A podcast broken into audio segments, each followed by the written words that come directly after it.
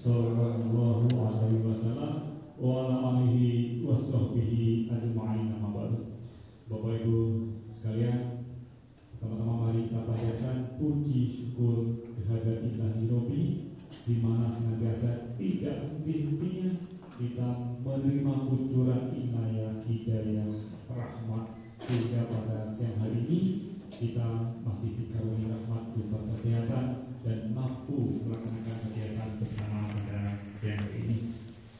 Pertama-tama yang kedua, salam dan salam juga dan pernah kita lupakan Mudah-mudahan senantiasa tercurahkan ke kita Nabi besar Muhammad Sallallahu Alaihi Wasallam dengan harapan Bapak Ibu. Mudah-mudahan nanti di Yaumul Ba'ats kita semua termasuk umatnya yang mendapat syafaatnya. Amin ya robbal alamin. Karena di Yaumul Ba'ats dari semua nabi hanya Nabi Muhammad yang mempunyai hak memberikan syafaat kepada umat. Nabi-nabi yang lain tidak bisa memberikan syafaat kepada umatnya. Ini kita uh, cukup apa uh, bersyukur menjadi umat Rasulullah ya. Jadi nanti Yaumul Ba'at insya Allah kita semua mendapat syafaatnya. Amin ya amin. Yang pertama-tama Nusin Kuring di Hormat Bapak Ketua Komite Sarang Reng-Rengan Bapak Ibu sekalian Notos Tiasa Nyumponan Ulemat Sumping ke kampus Man 1 Batu Jajar Alhamdulillah ya, merupakan apresiasi yang setinggi-tingginya dari saya atas kerelaan Ibu Bapak menghadiri undangan pada rapat siang hari ini. Bapak Ibu sekalian biar gak kaku bahasanya campur gitu semuanya. Campur-campur lah ini tos siang atau atau tegang teing lah itu supados supaya lebih dekat familiar abdi pada pada di payunnya lah gitu. Kalau duduk asal terlalu jauh jaraknya gitu. Jadi semakin dekat, insya Allah biasanya akan terpaut hati itu sehingga uh, apa yang kita bicarakan, yang kita musyawarahkan, mudah-mudahan ada, ada dalam ridho Allah SWT. Amin. Amin. Tentu saja pertama-tama saya ingin melengkapi perkenalan. Mungkin Bapak Ibu bertanya-tanya, ini jelma tim mana itu, itu ya. Jauh-jauh datang Seman Satu Batu Jajar, nah itu. Jadi uh, ini suatu sejarah baru buat Seman Satu Batu Jajar yang tahun Aina dipimpin ku lain jelma ya. tapi dipimpin uang nah itu, itu uang kalau saya nabi di Jawa Timur Bapak Ibu jadi sanes jelma tapi wong wong wong Jawa Timur. Itu, jadi saya asli dari kota Kediri Bu. Kota Kediri Kecamatan Wates itu ada di lereng Gunung nih, Gunung Kelut jadi dari dari kawah Gunung Kelut itu ke rumah hanya 10 km jadi sangat dekat sekali. Kemudian merantau ke Yogyakarta waktu sekolah SMA kemudian merantau lagi ke Bandung ke ITB waktu kuliah. Alhamdulillah celak ditugasin ke ITB tahun 88 di ITB kenging 4 tahun ngalih hijrah ke SMA Negeri 1 Lembang. Mulai tahun 92 sampai 2017 Allah mentakdirkan lain Pak Gubernur Mesian SK jadi mimpin SMA Negeri 2 Lembang.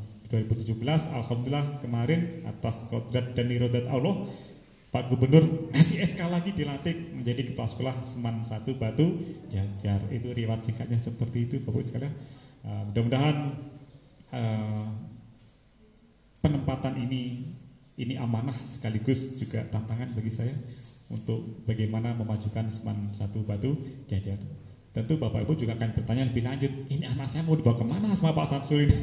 Tiga tahun selama di sini, nanti mau keluar keluar mau jadi apa anak saya ini? Nah ini, saya biasanya pasti begitu orang tuh. Ini pemimpin baru ini mau membawa anak saya ke mana ini? Nah, tentu nanti Bapak Ibu akan tahu akan ke mana arah ke, uh, apa program dan kebijakan dari visi dan misi kepala sekolah. Dari visi dan misi Bapak akan tahu, oh ternyata akan dibawa ke sana anak saya nanti selama tiga tahun. Tentu setiap sekolah Bapak Ibu juga mempunyai brand Bu ya. Mempunyai branding. Nah, itu. Kalau sebelumnya Pak Agus Saiful Mukrom itu sahabat saya juga. Saya agak seperti keluarga dengan beliau itu. Beliau mempunyai brandingnya Seman satu batu jajar Mamprang. Mamprang itu maju ya. Nah, tentu saya juga punya brand sendiri. Setiap sekolah punya idealisme masing-masing. Di kepemimpinan saya ke depan, brand saya seperti ini. Bu.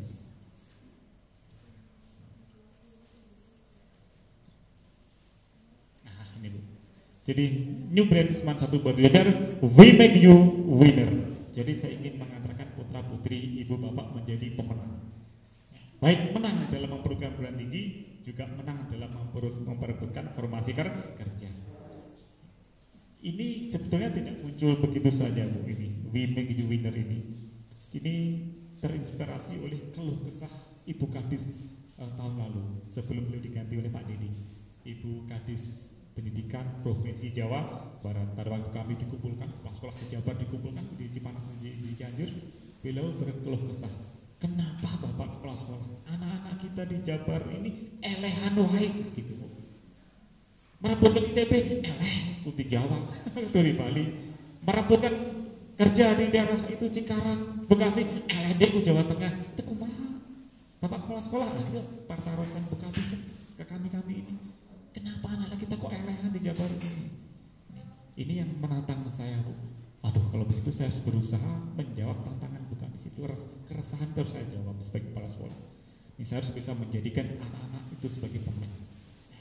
Sehingga muncul ide ini branded seman satu batu jajar, we make you winner. Jadi kami akan mengantarkan kalian menjadi pemenang. Nah ini bu, ini branded baru seman satu batu jajar ke depan. Bu. Kemudian visi, jadi mau dibawa ke mana nanti sekolah Seman Batu Jajar? Ini lembaganya dulu ya, lembaganya. Seman Batu Jajar mau seperti apa ke depan? Ini berencana apa gagasan saya ini. Jadi visi, visi itu impian, impian ke depan. Ingin jadi seperti apa itu impian, itu visi. Jadi eh, melihat jauh ke depan. Jadi ke depan Seman Satu Batu Jajar, sekolah Seman Satu Batu Jajar, saya ingin menjadi sekolah teladan. Sekolah yang menjadi panutan orang lain, sekolah lain gitu. Nah, Jangan kita yang manut orang lain, orang lain harus ngikutin kita. Jadi sekolah teladan. Kemudian juga sekolahnya religius. Jadi harus ada budaya religius di sekolah kita. Nah ini, nanti Bapak Ibu akan lihat program-programnya. Kemudian juga berwawasan lingkungan, harus tertata rapi berdasarkan lingkungan, Bu. Jadi jangan sampai sekolah kita kering kerontang terus kumuh terus aha dan sebagainya. Eh itu. Kemudian kompetitif di era global. Sekarang era global, Bu. Orang luar nanti mau mendirikan sekolah di negara kita boleh nggak, Bu? Boleh. Pemerintah nggak bisa melarang. Mendirikan sekolah boleh, mendirikan perguruan tinggi boleh, mendirikan rumah sakit boleh. Nah kalau kita nggak persiapkan diri, nanti kita nggak akan kompetitif. Kita akan tergilas oleh sekolah-sekolah yang didirikan oleh asing. Nah kita nggak mau seperti itu. Jadi kita harus coba bangkit, bangun sekolah kita sehingga nanti kita kompetitif menghadapi siapa aja lawan kita. Nah, ini. ini visi impian ke depan. Ini misinya. Misi ini langsung berkenaan dengan putra putri ibu sekalian. Jadi setelah tiga tahun itu, maka ini ibu yang kami harapkan itu menghasilkan lulusan yang beriman, bertakwa dan berakhlak mulia. Ini sesuai dengan tujuan pendidikan nasi nasional. Nanti kalau Bapak Ibu browsing di internet, tujuan pendidik Undang-Undang nomor 20 tahun 2003. Nah, isinya di situ tujuan pendidikan nasional itu meningkatkan kompetensi peserta didik untuk menjadi orang yang beriman, bertakwa, dan berakhlak mulia. Setelah itu baru sehat, berilmu, cerdas, kemudian demokratis, dan menjadi warga negara yang bertanggung. Nah, itulah tujuan pendidikan nasi nasional. Jadi yang misi yang pertama ini selaras dengan tujuan pendidikan nasional. Yang kedua, melaksanakan pembelajaran yang berkualitas. Bapak Ibu untuk menghadirkan siswa yang pemenang maka pembelajarannya nggak boleh asal-asalan. Tidak boleh Bapak Ibu gurunya ngajar seenak sendiri nggak bisa guru harus sesuai tupoksinya mengajar yang terbaik. Sehingga nanti kita harapkan anak-anak kita mempunyai kompetensi yang yang mumpuni. Sehingga pada waktu saya ditugaskan ke sini tidak lama Bapak Ibu boleh cek ke Pak Kasek kurikulum mohon segera dibuatkan jadwal supervisi akademik. Biar saya tahu Bu seperti apa guru-guru sing ngajar gitu ya. Sudah mulai sejak minggu kemarin Bu. Dua minggu kemarin mulai Pak. Saya sudah mulai supervisi akademik. Walaupun pembelajaran BDR Bapak Ibunya ngajarnya dari sekolah Bu. Jadi kita siapin komputer di sana. Jadi Bapak Ibu ngajar di sekolah. Anak-anak di rumah. Di situ saya lihat seperti apa Bapak guru ngajar Nanti kalau ada kelemahan itu yang diperbaiki. Tapi alhamdulillah selama ini yang sudah saya supervisi itu kompetensi profesionalnya luar biasa bagus-bagus tinggal nanti dikembangkan sedikit lagi insya Allah tetap tidak ada orang yang sempurna nggak ada tetap aja. Nah ini yang kurang sempurnanya inilah yang saya coba berikan ke teman-teman guru agar itu bisa diperbaiki. Dengan demikian insya Allah kalau kita istiqomah nanti tujuan kita akan tercapai agar putra putri kita itu mempunyai kompetensi yang mumpuni nah itu Kemudian yang baru di sini ini mengembangkan potensi peserta didik berdasar kecerdasan majmuk yang dimilikinya. Anak-anak kita tuh mempunyai talent yang beda-beda. Ada yang suka matematik ya, wah kalau sudah matematik mah kayaknya enjoy dia mah. Ah.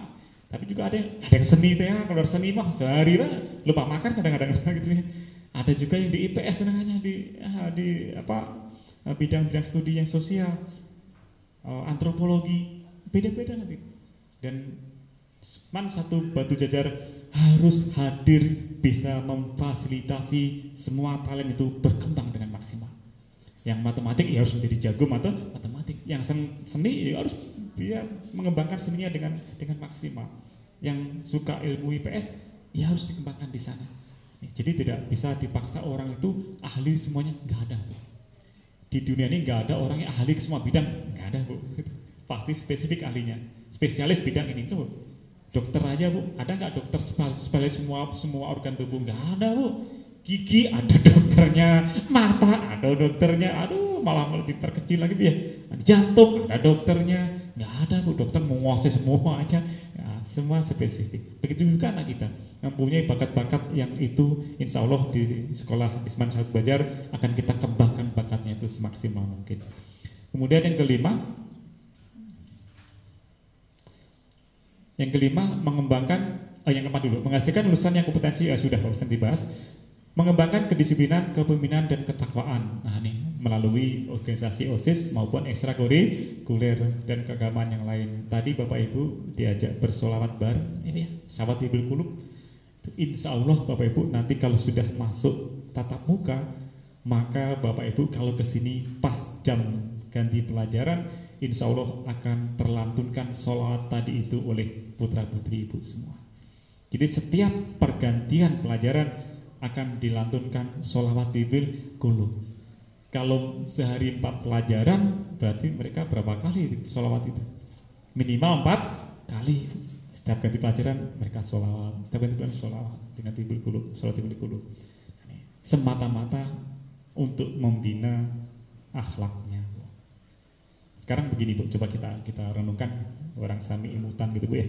Kalau putra putri bu berangkat dari rumah ke sekolah, begitu melangkah keluar dari gerbang rumah, bapak ibu bisa nggak mengontrol, memonitor? Dia kan bawa HP, ya jajet. Bisa nggak bapak ibu mengontrol? Ah dia tidak buka konten porno, tidak membuka konten negatif. Bisa bapak ibu mengontrolnya?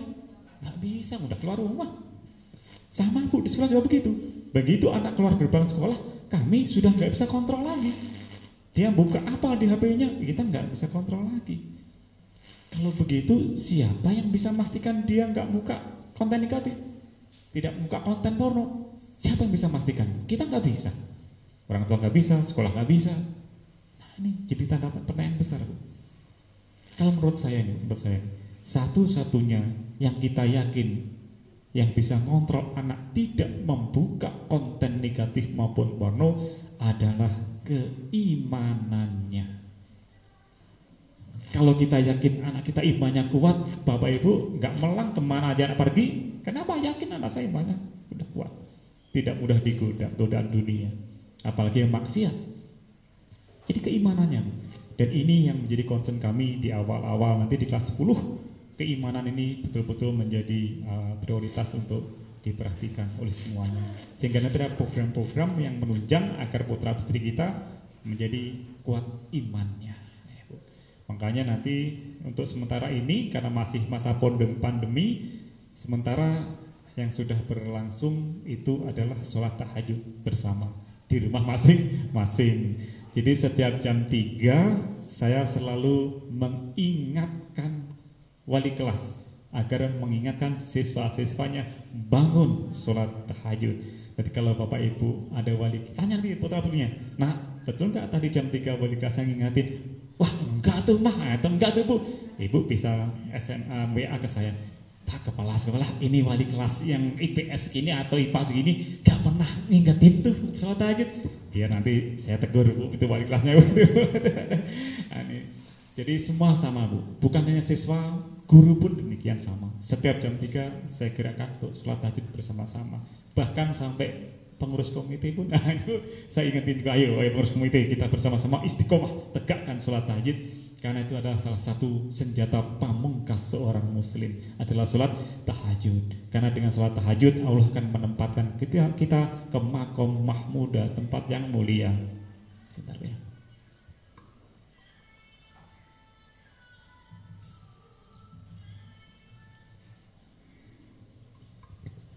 Jadi ini salah satu usaha bu ya usaha. Karena saya meyakini apa yang tersirat di dalam Al-Quran itu mutlak benar. Ah, seperti itu Bu. Bagaimana dalam surah Al-Isra Bu ya? Wa minal laili fatahajat bihi nafilatalak asa ayyab athaka rabbuka maqamam mahmuda. Jadi kita harus yakin kebenaran Al-Quran kalau kita tegakkan bangun sepertiga malam sholat tahajud, insya Allah Allah akan mengangkat kita ke derajat yang mulia. mulia. Kalau Allah yang mengangkat kita ke derajat mulia, ada nggak kekuatan tangan manusia bisa menghalangi? Nggak akan ada yang bisa. Kalau kita mendapat jabatan dari orang, bisa dijegal orang lain, gampang Tapi kalau Allah yang mengangkat kita ke derajat yang mulia, kekuatan mana yang bisa menghalangi? Nggak akan ada yang bisa menghalangi. Ini yang saya yakini seperti itu. Makanya uh, saya setiap jam 3 istiqomah selalu mengingatkan semuanya untuk sholat tahajud. Yang kedua, saum Senin, Kamis. Saya selalu mengingatkan juga, ayo oh, ibu-ibu wali kelas, bapak wali kelas, ingatin anaknya untuk kalau jadi kalau malam hari Rabu jam 3 pagi, Kamis pagi itu uh, saya selalu mengingatkan sholat tahajud dan makan sahur. ini, kalau hari Kamis malam Jumatnya, Kamisnya bu sudah sudah buka puasa itu Kamis Nanti malamnya itu biasanya saya ngingetin sholat tahajud dan tadarus surah Al-Kahfi. Nah ini itu uh, sunnah Rasulullah seperti itu. Jadi kalau malam Jumat itu sebetulnya hadis yang kuat itu Rasulullah sunnahnya itu adalah surah Al-Kahfi. Tapi selama ini kita sering yasinan bu ya, tapi nggak apa-apa itu juga. tapi uh, hadis yang kuat adalah surah Al-Kahfi. Nah begitu bos, ini salah satu uh, usaha-usaha bagaimana agar anak kita keimanannya bisa kokoh sehingga mampu menghadapi godaan apa aja. Di dalam dunia yang sekarang itu dunia itu sudah ada di genggaman anak-anak kita ya. kejadian apa di mana itu dalam waktu yang sama bisa mereka bisa ikuti. Baik kejadian positif maupun nah itu dia yang negatif. Sama juga negatif itu. Eh, ini yang masalahnya di situ nah, sehingga ini usaha-usaha kami untuk mengarah ke sana. Kemudian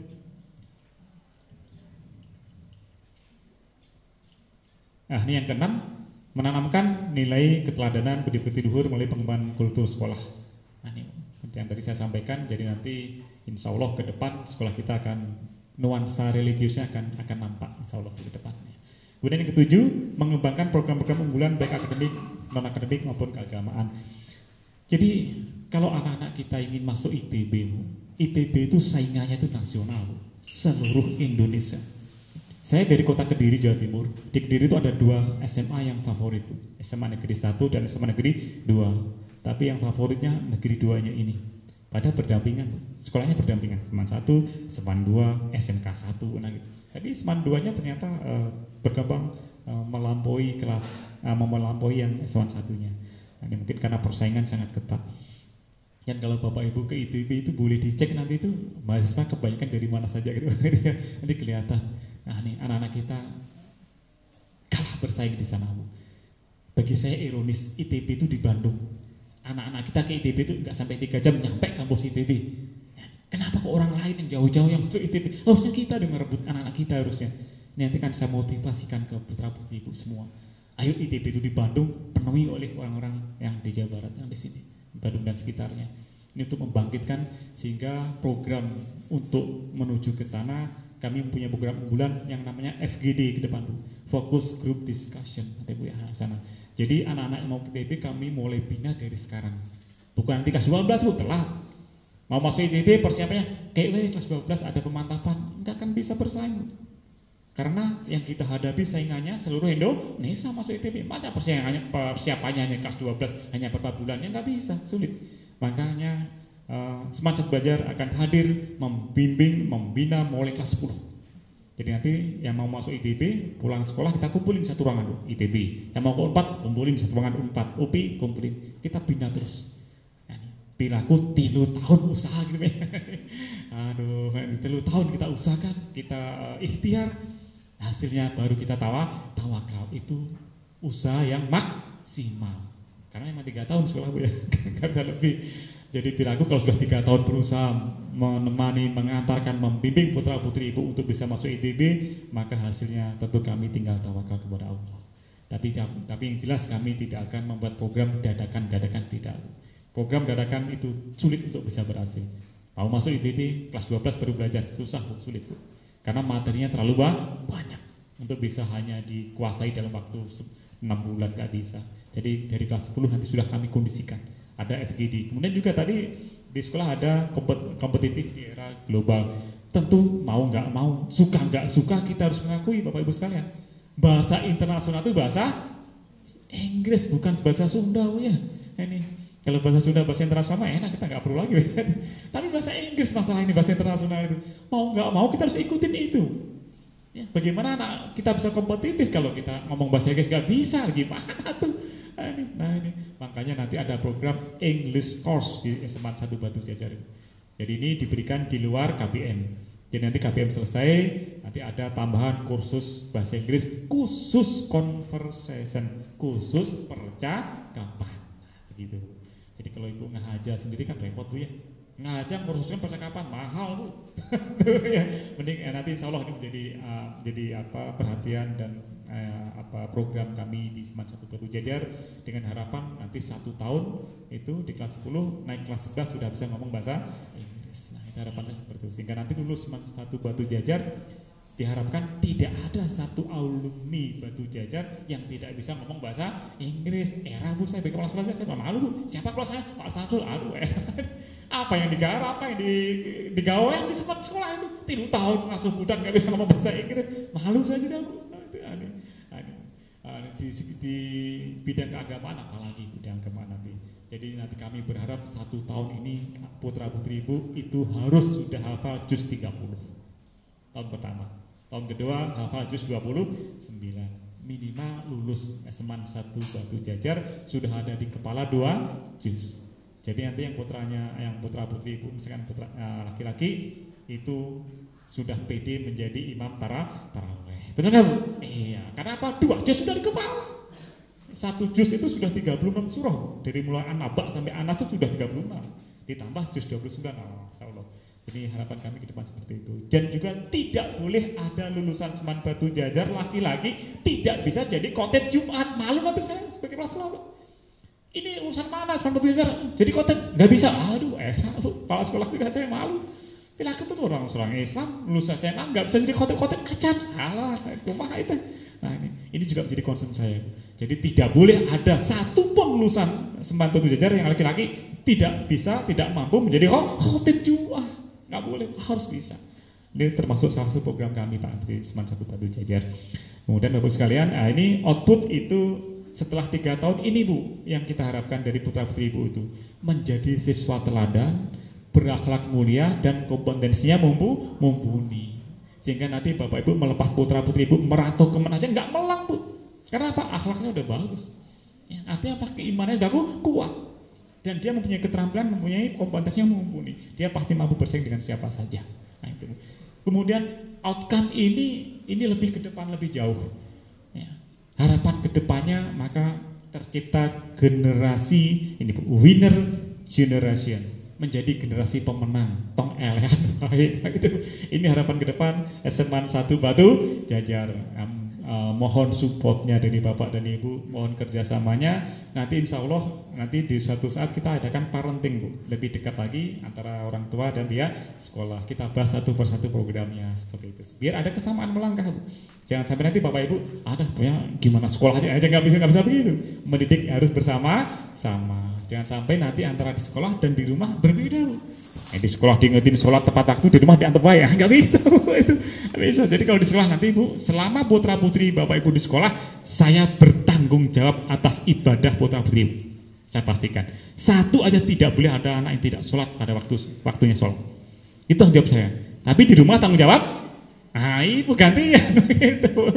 Jadi sama, nanti jangan sampai saya di sini teng azan harus sholat di rumah teng azan ibu hari-hari diantepkan butanya nggak bisa bu. Harus bersama sama dengan demikian kalau kita bersama-sama insya Allah bu kalau berjamaah ya wala tafaroku jami'an wala tafaroku bersatulah jangan bercerai-berai insya Allah itu pertolongan Allah mudah kita dapat dapatkan karena kita bersatu ya, berjamaah dalam membimbing mendidik anak-anak kita. Ini yang saya bisa saya sampaikan.